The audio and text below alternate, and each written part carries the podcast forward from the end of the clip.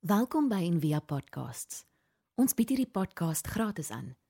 Om 'n bydrae te maak, besoek gerus ons webblad en via.org.za vir meer inligting. Die geloofsreis gaan oor stemme binne in ons wat ons probeer laat help en verstaan, maar in wat anker ons geloof? In ons stemme wat ons vat na ongemaklike plekke, verlatenheid. Ons voel ver van die Here. Maar dan is daar stemme wat vir ons vrede bring. En wat ons op 'n plek bring dat ons voel ons word vasgehou en ons word omhels deur die Here. En ons praat vandag en ons sluit die reeks af met die stem van vroomheid en godsdienstigheid wat 'n diep verlatenheid in ons lewe kan bring. En jy voel amper maar dit wees? Broer, as iemand die Bybel gebruik of gebruik God se naam, ons het soveel respek vir dit. Dit dit maak dit amper reg wat hy sê. Maar by Jesus is dit nie so nie. Kyk, sy sy hele verhaal begin, hy word versoek deur die duiwel met wat? Met Bybeltekste. In Paulus se bekende woorde dat die Satan verander hom soos 'n engel van die lig. So die landskap van ons hart is ongelooflik moeilik om te navigeer en presies te verstaan maar hierdie stemme bring lewe in ons. So jy jy moet seker as jy die Bybel lees, moet jy ontwrig word. Hoe is dit dat Jesus soveel genade, soveel tyd en soveel deernis het met mense wat oneerlik is? So Saggeus of met die tollenaars of met die prostituie en dan word hy selfs hulle vriend. Was die grootste aanklag teen hom. Wat gebeur dan? Hoekom is hy so erg met die fariseërs en die ander godsdienstige partye? Hy noem hulle skynheiliges, wit gepleisterde grafte, slange, addergeslag. Want hy sien iets wat 'n diep diep diep verlatenheid bring in mense self en ook in ander die donker donker kant van godsdiens is wat jy daar kry. So ons praat vandag oor die fariseërs wat ons kan help om hierdie stem te hoor. So dit beteken net ouens wat afgesonder is. Die woord beteken afsondering. So hier's ek. Hoekom? Want ek het die Here lief. En kyk, hy sê dit vir my, dit vir my, dit vir my en ek doen dit en dit en dit en ek is nie soos jy ek kan nie soos jy ek is afsonders wat dit beteken. En toevallig was 'n klomp van hulle en hulle word in die Talmud beskryf, die Joodse geskrifte soos die boggelrig uit so geloop want hy het die laste gedra. Daar was die wagge bietjie uit altyd 'n verskoning gehad dat hy dit nie doen nie. Nou was die gekneusde fariseer, hy het 'n paal vasgeloop want hy mag nie na 'n vrou kyk nie. Dan loop hy in 'n paal vas en so sewe verskillende soorte was beskrywe gewees. En ehm um, ja, en baie keer as jy hulle lees, dan is dit amper 'n term wat ons ook maklik rondslinger soos o, oh, hy's 'n fariseer. Dan verwys ons na 'n um, fundamentalisme of wettisisme. Maar ek dink ons moet eerder so daaraan dink. Dis 'n gees. Dis 'n kode in ons soos 'n program wat geskryf is en hy word fisiek gou geaktiveer en godsdienst kan hom wakker maak in jou. So klink hy. Hier's Jesus se woorde, vers 9. Met die oog op mense wat seker was dat hulle eie saak met God reg is en op ander neergesien het, het Jesus hierdie gelykenis vertel. So ten diepste, dis 'n stem wat vir jou sê jy's reg. Selfregverdiging. Ons almal het dit. Dis die ego se hoofprogram. Hy maak 'n slagoffer of hy word 'n slagoffer hoekom? Om altyd reg te wees. Richard Rohr sê the ego hates losing even to God. Ja, ek kan nie anders doen nie. Dat daar's so iets in ons en hy gebruik godsdiens om daai behoefte te versterk. En dan kyk hy af. So drie goed. Die gebed begin van die fariseer, dankie Here ek's nie soos hulle nie. So in daai tyd is 'n individu beskryf in terme van sy verhouding met die gemeenskap. So Paulus, herkoms is belangrik. Sê ek is van Tarsus. In die tweede plek, hy sal sê nasionaliteit is belangrik. Ek is 'n Jood. So toevallig Paulus is hy oor die mense in Kreta die Kretense praat dan noem hulle sommer leibyke. Dis 'n verskriklike erg erge woord. My ouma sou gesê het jy moet jou mond gaan was met seep, maar hy het dit net verlore. Beskrywing dat jy net kan verstaan wie hierdie mense is. Dis ook weet wie jy is. En dan jou tribe, soos ek is 'n Benjamiet sê Paulus. Uh Maria sal sê ek is uit die huis van Dawid uit. En dan wat het jy geleer? Uh wat is jou nering? Wat is jou filosofie? So Apollos is deur Johannes die Doper geleer. Um Paulus is deur Gamaliel geleer. So jy word nie gewaardeer op grond van jou persoonlike uniekheid nie, maar aan wie jy behoort. Nou professor James Dunn noem dit identity markers of boundary markers. Omdat ek dit is, is hier 'n grens en dis hoekom jy dit is. En dit is wie ek is. Versaai met ander woorde ons gebruik godsdiens om 'n identiteit te kan kry.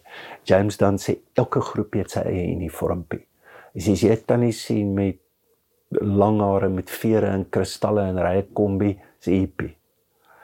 So ons binne almal van ons is daar hierdie uniform wat ons soek om te kan sê ek het 'n identiteit om te kan sê ek is nie so en ek is nie so en ek is nie so. In die tweede plek op 'n manier wil ons almal reg wees, nie selfregverdig. Ek bedoel wie wie wil voel jy jy doen net verkeerd. So daar's 'n basiese motivering en 'n dryf en hierdie ou sê hoorie, Here, ek vas twee keer en ek betaal tiende op alles. Nou wat hier gebeur het was jy hoef net een keer 'n jaar te vas het met die versoendag. Dit het geeskaleer na twee keer 'n week toe. En want om dit te kan doen en te kan glo behaag die Here deur dit maak dit net soveel ek is dan soveel meer nie soos jy nie. Maar jy sien hier's hier's 'n groot denkfout want wat gebeur het met hierdie mense dit letterlik as ek nie soos jy is en ek eskaleer in hoe ongelooflik ek eintlik is, wat doen ek? Ek kyk neer op jou. Verstaan jy? Ek word meerderwaardig. En daai meerderwaardigheid noem ek ek is spiritual. Dis die boosheid, dis die gevaar. Ek kry die gevoel ek is naby aan die Here. So in ons lees uit die geskiedenis hoe ongenaakbaar die Fariseërs was. As jy ehm um, aan hom geraak het en jy was byvoorbeeld 'n uh, 'n heiden en enige ou se heiden wat nie 'n fariseer is nie, dit was hulle beskrywing, dan het hy op die grond gespoeg en dan het hy gaan en hy het homself gewas. So dit is die die plek van waarheid jy mense hanteer en hoe jy ook dan na mense kyk. En wat interessant is, is dat die gesprekke toe drie goed gaan in daai tyd. Nommer 1 die eet, wat mag eet, nie wat's rein, wat's onrein, die Sabbat en dan die reinheidswette. En dit is nie dat Jesus dit afskryf en sê hoor jy julle is totaal van die pad. Weet jy wat? Ek begin 'n nuwe kerk die Christelike kerk, die enigste kerk. Nee. Moet jou skok dat Jesus blye Jood. Die idee was maar later deur Paulus hulle uitgevoer en die absolute vervolging in die sinagoge is dat dit kerk geword het of die Christelike beweging geword het. Hy sê kom jy om die wet te breek maar om dit te vervul wat beteken letterlik net om dit sy volle betekenis te gee. So wat is dit? So wat Jesus sê, julle as fariseërs en dit wat julle doen, hy sien hulle ook is deel van God se geskiedenis, God se plan met hierdie wêreld. Daar's geen twyfel daaraan, maar met een groot verskil. Is dat dit wat ons gebruik om ons identiteit mee te bepaal, om grense mee te trek, word verbrysel, word vernietig deur 'n nuwe dieet wat jy in jou hart kry en 'n manier en 'n liefde met God wat jou nie meer laat afkyk nie. maar wat jou laat saam sit en saam leef met mense uit 'n diep diep plek van liefde. Ek sluit af Henry nou en sê die woorde hy sê as jy dit reg gekry het om die verlore seun se pad en die verlore seun in jou lewe te ontdek en hom en hom te redeem in jou dan is die kans 100% dat jy die ouer broer gaan word. So wie is die ouer broer? Hy staan daar. Hy voel maar ek het alles reg gedoen. Hoekom dans hulle? Hoekom is hulle bly? Jy sien ware transformasie as jy nie werklik in die spasie van liefde verander word dat die manier hoe jy dink oor jouself en waaruit jy jou identiteit totaal totaal in God is, gaan jy altyd moet terugval op identiteitsmerkers, grenslyne om mense in te sit, ander uit te sit en jou reg te maak. En ek moet eerlik sê daar's so 'n tikkie van die fariseer van selfregverdigheid wat vir ewig aan my en jou kleef. En dis dalk net in Jesus se woorde: Neem jou kruis op elke dag dat dit die pad is en ook die genade wat ons moet ontvang. Sy dink aan Jesus wat glad nie selfregverdigend is nie. Is die regverdige mens en die regverdigste wat lewe. Die een wat glad nie eksklusief is nie. Is die een wat uitgesonder word, wat aanbid en wat geëer word as die een. Die een wat glad nie die Messias wil wees nie word die Messias. Die een wat sê moet my nie eens rabbi noem nie. Word die grootste wat daar was. Wat is dit? Jesus sluit af en ons sê hy wat homself verhoog sal verneder word. En hierdie houding, hy slaan op sy bors. Hy sê ek is sondig. Die woord sonde in sy verstaan ek mis my doel. Dis nie 'n status update van jou sonde. Gebed is nie dit nie.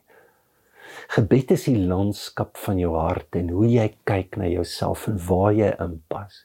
En die woord nederigheid beteken low lying.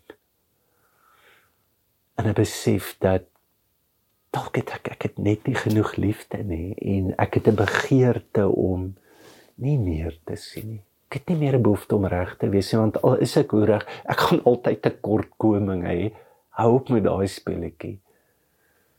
Maar dalk kan ek 'n lewe lewe soos wat God wil hê ek moet. Kom ons vra die Here om ons in hierdie spasies vas te hou. Kom ons dink ook twee keer wat dryf ons in die godsdienstige stemme wat ons hoor en dat dit altyd stemme sal wees wat ons laer laat buig meer grense verskuif en 'n groter liefde in ons lewe bring verander. Kom ons bid saam. Here baie dankie vir u ongelooflike vashoue in ons lewe. En dankie dat daai vashou ons help om te kan buig en dat die stemme wat ons nader aan u bring in ons vashou reeds daardie stemme is. Dankie daarvoor in Jesus naam. Amen baie dankie dat jy ver oggend saam gekuier het. As jy nou so voel, dan kan jy iets gee deur SnapScan of jy kan sommer net op die webblad, daar's verskeie maniere hoe jy kan gee. En mag hierdie dag vir jou baie baie spesiaal wees. Ons hoop van harte jy het hierdie podcast geniet of raadsaam gevind. Besoek gerus en via.ok.za vir meer inligting.